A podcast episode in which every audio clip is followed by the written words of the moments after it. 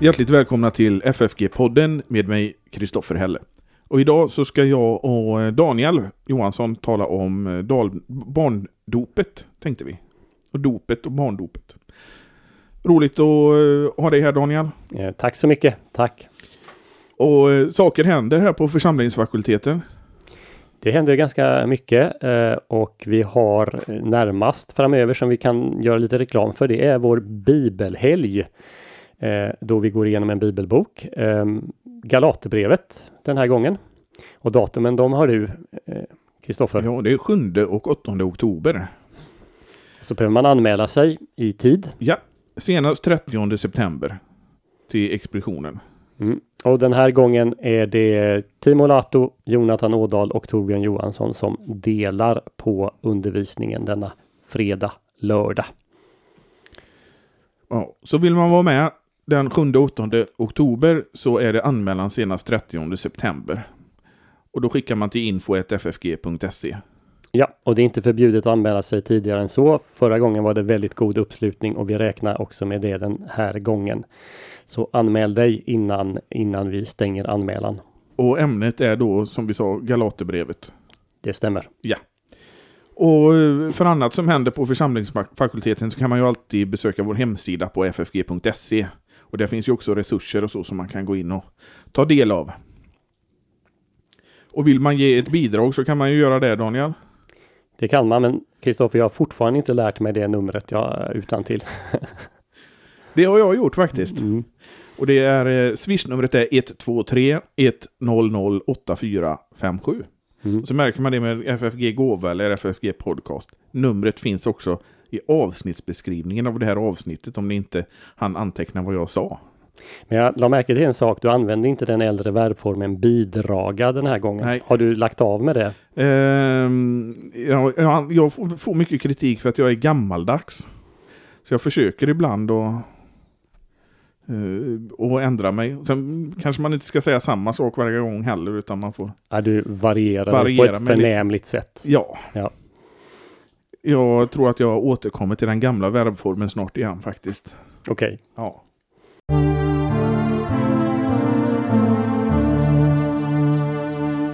Men eh, barndopet, Daniel, ska vi tala om. Ja. Och vi, vi Vad är det du vill att vi ska tala om? Varför ska barnen döpas? Det är frågan. Varför ska barnen döpas? Ja. ja. Och dopet är ju biljetten in till det kristna livet helt enkelt. Ehm, ja, alltså så skulle man ju kunna uttrycka saken. Ehm, om man nu ska ställa frågan så, ska barnen döpas eller, eller ska de inte döpas? Ja, för min del så är ett, ett huvudargument, och det här argumentet räcker egentligen, eh, det är Jesu egna ord i sin missionsbefallning eller sin dopbefallning. Där Jesus säger att hans lärjungar då, de ska gå ut i världen och så säger han att de ska göra lärjungar. Och sen kommer det eh, två stycken participer i grekiskan, två stycken verb som anger sättet på vilka lärjungar görs. Eh, och de ska göras genom dop och genom lärande. Så man blir en lärjunge genom dop och genom lärande. Och den naturliga slutsatsen av det, det är att alla nya lärjungar, oavsett ålder, blir det genom dopet och den undervisning som sen, som, som sen ska följa eller, eller medfölja. Eh, och där tycker jag egentligen att saken är avgjord. Eh, Jesus säger gå ut och gör alla folk till mina lärjungar. Alla folk, det tog det inbegripa både gammal och ung och eh, spädbarn och vuxen och alltihopa. Ehm, men, men precis som du säger, hur blir man en kristen? Jo, hela Nya Testamentet lär entydigt att det att, att dopet finns med där vid ingången i den kristna kyrkan. Sen kan man diskutera så att säga hur tron upptänds och, och, och så vidare. Va? Eh, det, det, det, det, är en fråga som man kan lämna lite därhän just nu, utan det viktiga är att man kan liksom inte tänka sig kristna utan att de är döpta. Och skulle då barnen komma med på någon slags eh, bara få någon slags frisedel då med sina föräldrar. Ja, det tycker jag är, det, det, det är otänkbart utifrån eh, hur Nya Testamentet eh, talar om de här sakerna. Jo, men det är också så här att barnen är ju precis som alla andra födda med den här som vi kallar för arvsynden. Ja, så, så lär eh, vår kyrka och så menar vi att eh, den evangelisk-lutherska kyrkan och så menar vi att Bibeln lär. Men nu, innan vi kommer till den saken så tänker jag att det oavsett vad man tänker om i vilken ställning barnen är när de föds in i den här världen. Så låt, låt gå att vi har olika synpunkter på det. Så är det ändå så att mönstret i Nya Testamentet är att man blir en kristen genom dop. Oavsett om det finns några synder som behöver bli förlåtna genom dopet eller inte finns. För där har olika kyrkor, eh, olika samfund lite olika eh, åsikter. Men jag menar att de här sakerna behöver inte nödvändigtvis gå hand i hand. Jag menar att att om man föds inte som ett oskrivet blad utan som en människa i behov av frälsning, det vill säga till Nikodemus säger Jesus att man måste bli född på nytt för att komma in i Guds rike. Man blir det inte genom den, den första jordiska födelsen. Det, det är någonting som, som, som krävs. Eh, men, men, men ändå så menar jag, om nu dopet är ingången så gäller det oavsett vilken syn man har på, på, på människans tillstånd. Och det är ju också det att när man tittar på hur Eh, apostlarna verkar så är det ju att de, det är ju döpande som är de flesta av dems främsta uppgift. Kan man säga. Och förkunna ordet. Förkunna ordet och, och, och döp. Det, det, tycks vara lite olika uppfattningar. Paulus han, han skryter ju med i första Korinthierbrevet att han inte har döpt så många. Sen börjar han tänka efter och så var det några stycken ändå. Men, men det kanske var lite olika upp, upp, eh, uppgifter. Eh, men, men vi förstår av Paulus undervisning och inte bara Paulus utan, utan nästan alla skrifter i Nya Testamentet att dopet är väldigt viktigt. Det återkommer de till om och om igen. Det är mycket mindre om nattvarden mm. eh, om man nu ska jämföra. Eh, så det, det i sig vittnar ju om, om dopets ställning. Dopet är utgångspunkt på väldigt mycket eh, som man lär för förmaningar och annat. Och att de var snabba med att döpa, det förstår vi till exempel av, av eh, berättelser om, om när, när Paulus och Barnabas är där i fängelset i Filippi. Eh, när de då samma, samma natt som den här jordbävningen äger rum så, så döper de eh, han som är ansvarig för fängelset och hela hans, hela hans familj. Och det är ju ganska ögonfallande med tanke på att det var en hednisk person. Eh, så att det var inte någon lång undervisning innan han döptes. Han undrade vad han skulle göra för att bli frälst. Och då blev han döpt? Ja, han skulle tro på Herren Jesus. Ja. Ehm, så att vi, vi har massa sådana små indicier, eller inte bara indicier utan tydliga ställen som talar för att dopet är liksom ingången i kyrkan och det är allra tydligast i Jesu befallning om dopet. Sen kan man börja diskutera om vad, vad lär Nya Testamentet? Kan, finns det några exempel på att barn blir döpta eller blir de inte döpta? Vad lärde man i fornkyrkan? Eh, och så vidare. Och man kan också fundera på, vi kanske talar om det senare, alltså vad gör dopet? Och då tänker vi evangelisk tro att dopet är ett nådemedel, alltså det är ett medel genom vilket Gud skänker nåd.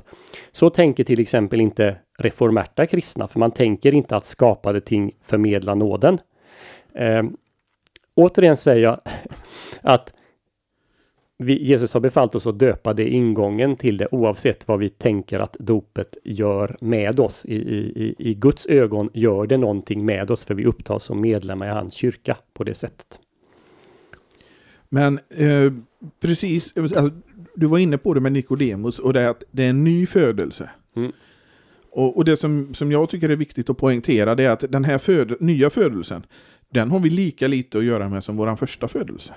Ja, vi blir, blir födda av, av någon annan. Ja. Och i det här fallet blir man född av ande eller ande och vatten som det då uttrycks i, i Johannes tredje kapitel. Och, och det, det, är ju liksom hur man ser på synden och hur man ser på det här eh, med, med dopet och, och förlåtelsen och så. Det är ju lite det. För man tar romersk-katolska kyrkan och den lutherska kyrkan förespråkar ju båda två barndop. Mm. Men sen så, så eh, skiljer sig vägarna åt. Mm, ja, det beror på vad du menar. Alltså utgångspunkten är nog ändå ganska lik i båda fallen. Alltså att man har eh, man är, är född med synd i ett tillstånd där man då av naturen inte är Guds barn och för att bli renad ifrån det här eh, så, så döp, döps man. Sen kan man kanske ha lite olika eh, synsätt på, på, på tro och gärningar och, och, och så vidare. Men, men i, i själva uppfattningen om vad dopet gör med en så är det inte någon, då var, det var ingen större kontrovers på vid, vid reformationstiden. Men om man tittar på hur, hur till exempel eh, Luther såg på eh, dopet som munk, som romersk-katolsk munk. Och hur han sedan, hur man nu får säga det, såg på dopet som lutheran. Ja, det, eh. det, jag, jag förstår vad du är ute efter, alltså vad dopet betyder i ens kristna liv. Ja. Ja, ja där, där skiljer du sig åt sedan. Men det kanske är en, en annan fråga som vi inte riktigt har tid på att, okay. att komma in på nu och som vi... Nej, men jag måste säga att just att det skiljer ju sig däråt. Ja. Och men de här som då till och med kanske förnekar arvsynd. Utan bara pratar om verksynd. Eh, de, de, för dem så måste ju dopet bli någonting annat än den här förlåtelsen av synder. Ja, eh, det, det gör det. Eh, och det, det, de där, det här kom upp i, redan i fornkyrkan. En, en sån kyrkofader som Tertullianus som är verksam omkring 200. Det är enkelt för att komma ihåg honom. Han, han menade att barnen inte skulle döpas. Helt, och, och, han anför som skäl att dopet förlåter ju synd, men barnen har inte hunnit begå några verksynder, alltså behöver de inte döpas. Ungefär så förenklat var hans in, inställning till dopet och, och också då anledningen till att inte barnen skulle behöva döpas. Um, så att det är klart att, att det, det, spelar roll och om man nu lär om människans tillstånd så som vi gör i vår evangelisk-lutherska eh, lära, nämligen att man när man föds in i den här världen så är man bort från, från Gud, man har ond begärelse, man förtröstar inte på Gud eh, och så vidare. Eh, och om eh, man befinner sig i det tillståndet så blir man inte frälst.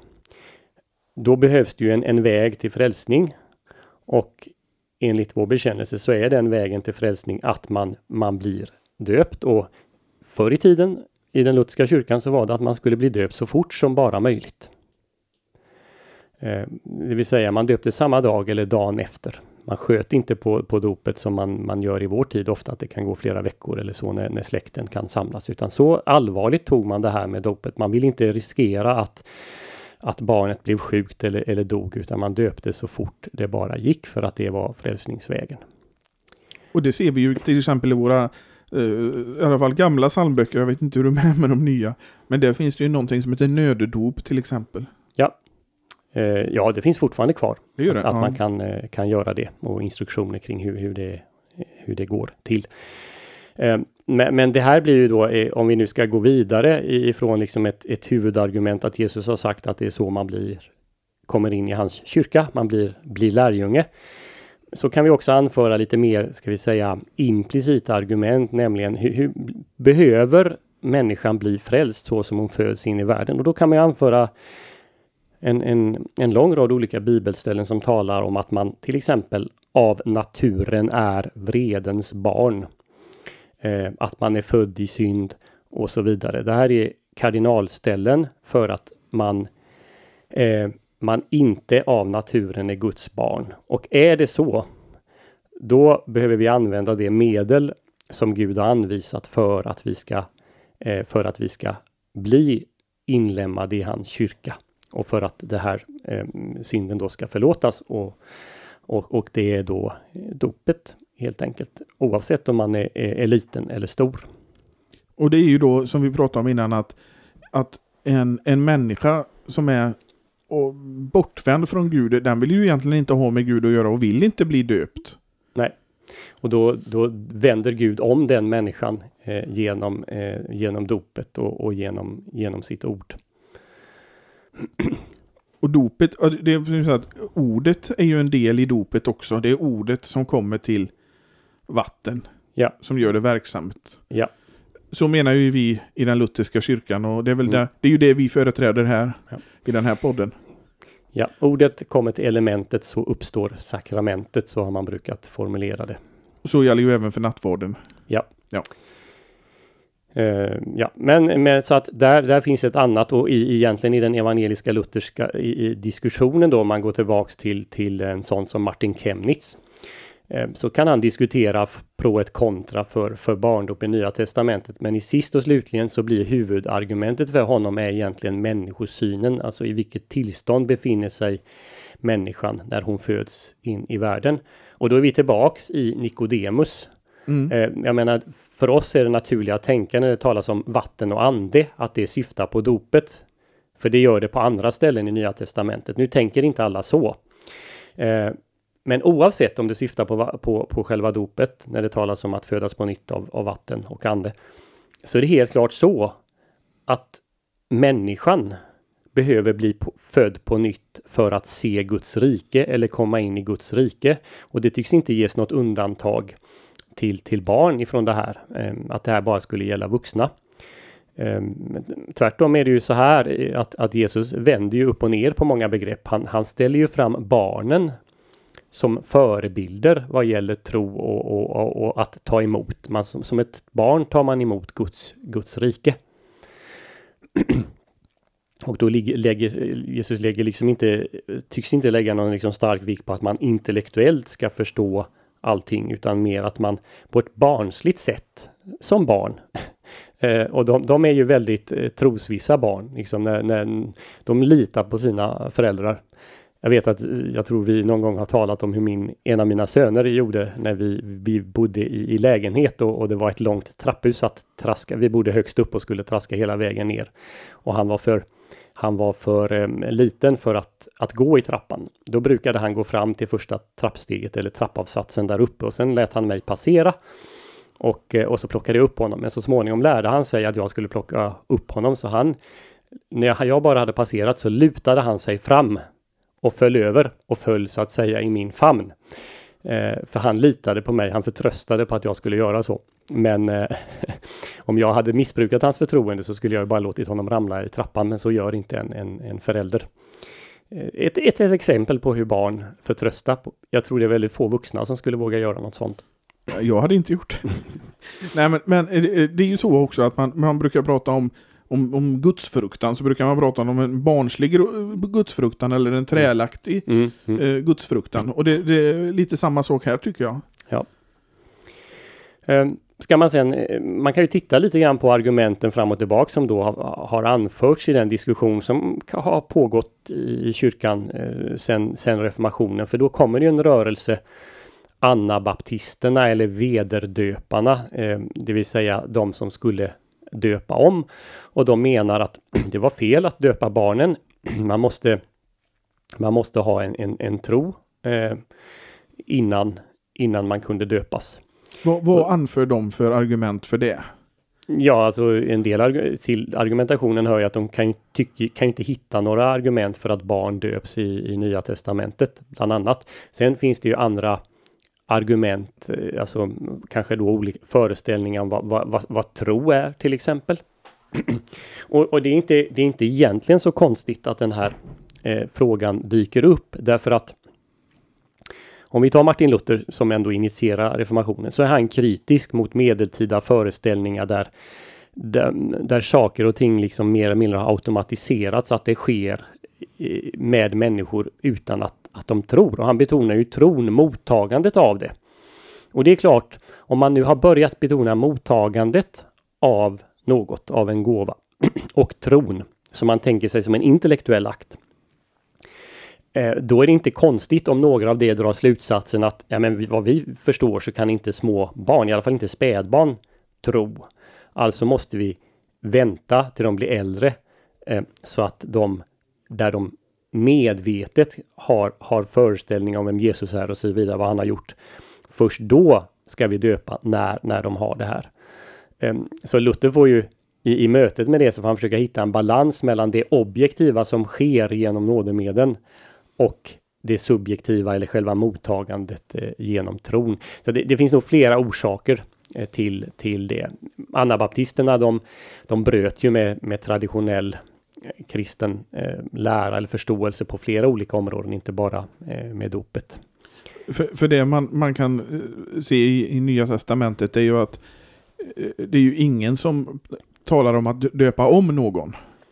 Nej, eh, det, det ser vi inga bevis på. Men samtidigt måste vi också komma ihåg, och det är väldigt viktigt att ha med sig, att, att i Nya Testamentet så beskrivs, eh, jag menar i huvudsakligen, huvudsakligen beskrivs en missionssituation. Apostlagärningarna beskriver en missionssituation. Den talar i princip ingenting om hur det är med församlingslivet.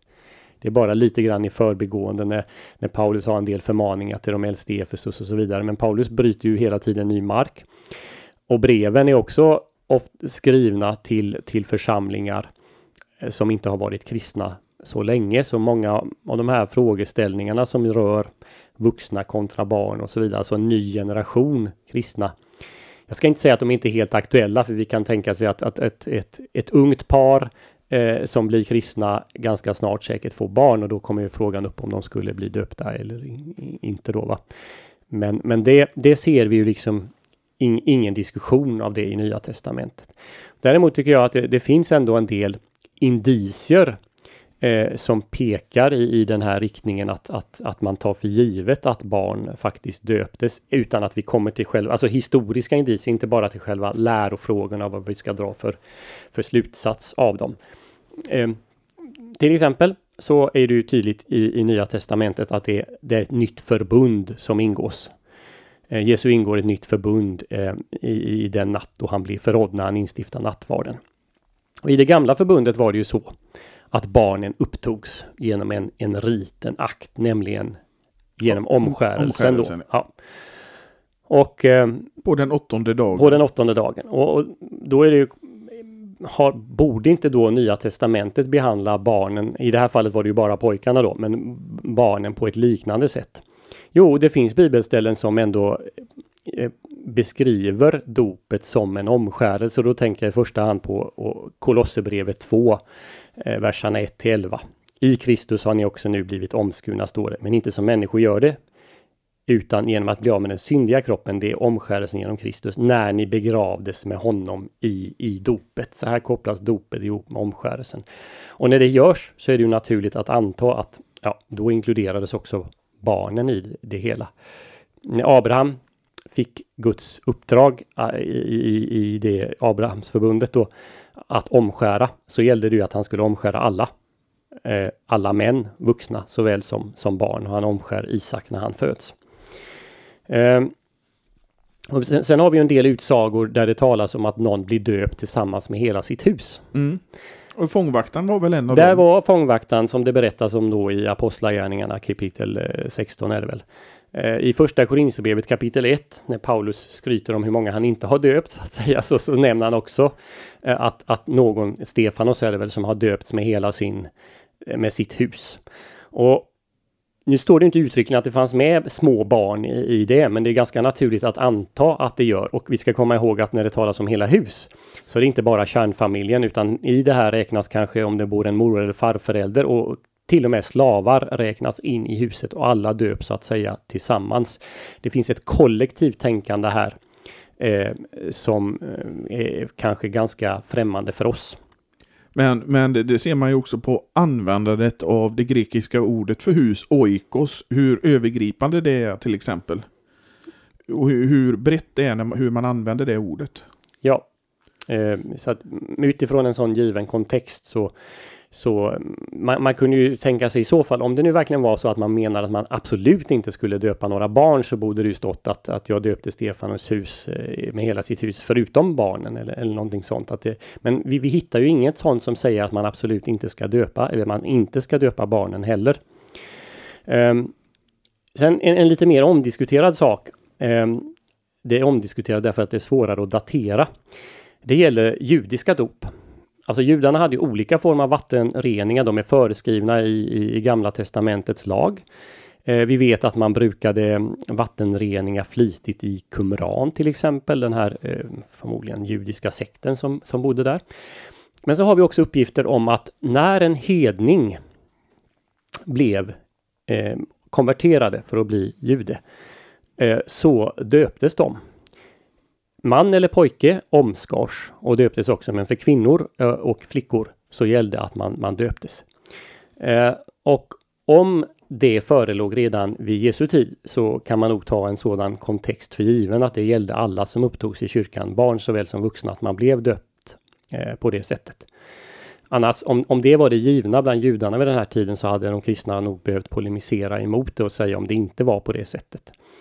Eh, problemet med den här då, det är att den, de, de här källorna är lite svåra att datera. Hade man börjat med det här redan århundradet före Kristus?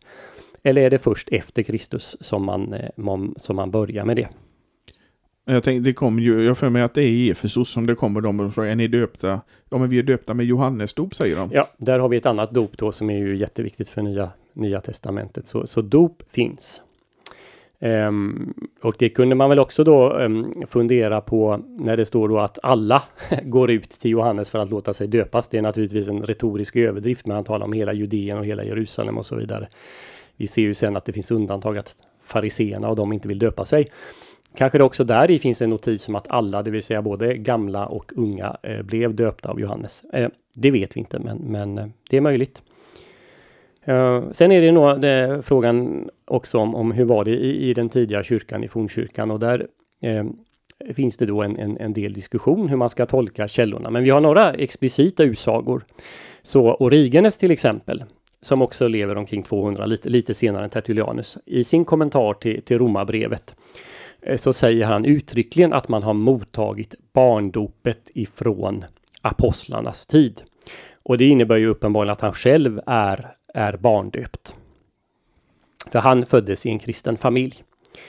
Eh, och den här berättelsen om Jesus och barnen, den tolkas också ganska tidigt som en berättelse som handlar om, om barndopet, eller man använder den som argument för att barnen ska döpas.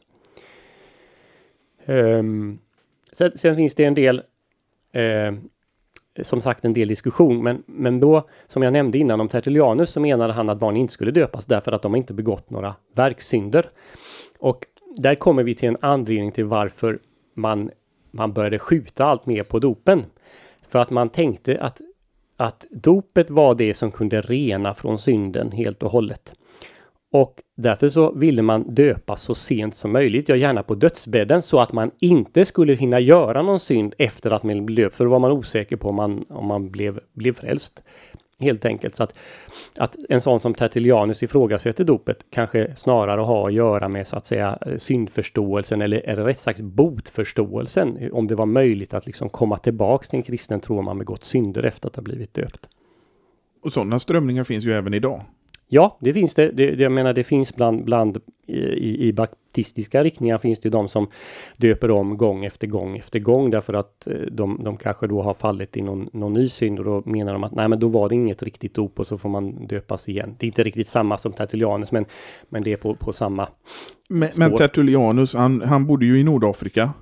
Mm. Och, och eh, var det inte så att han började röra sig lite kanske tveksamma sammanhang i slutet mot sitt... Ja, han, han, han, eh, han lämnade ju, ska vi säga, den katolska kyrkan, eller, eller åtminstone han slöt sig till den montanistiska rörelsen då, eh, som, ehm, som den katolska kyrkan var kritisk emot.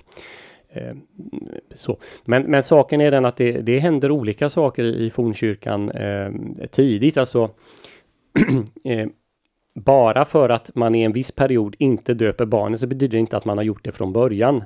Vi har exempel på många andra saker där man ganska snart har, som det tycks, frångått Nya Testamentets lära eller det har utvecklats i en annan riktning, något som man inte ser några spår av i Nya Testamentet. Men eh, sen om vi går då från fornkyrkan och framåt så är det väl i stor del, till största del barndopet som gäller ända fram till, till reformationen? Ja, det gör det. Det gör det. Till reformationen och då är det en grupp, en ganska liten grupp, vededöparna, eh, som, som menar att man inte ska döpa barnen utan då döps man om som vuxen. Den här gruppen råkade väldigt illa ut för de mötte kritik ifrån alla håll, ifrån romersk-katolska kyrkan, ifrån lutheraner, ifrån reformerta, vare sig det var Svingli eller Calvin, för alla lärde ju barndop eh, och, och råkade ut för mycket förföljelse. Men det, det, och det finns vissa eh, anabaptistiska grupper än idag. Man kan säga så att eh, Amish i, i, i, USA till exempel, de tillhör en sådan riktning. Eller menoniter. Men det vi tänker på som baptister, de härleder inte sitt ursprung till reformationen utan de härleder sitt ursprung ungefär hundra år senare. Eh, nämligen till Eh, det baptistiska dopet då uppstår i, eh, i Holland eller i, i England där det finns en, liksom en, en, en, en möte av olika reformärt teologi där, där från vilket eh, det baptistiska dopet utgår.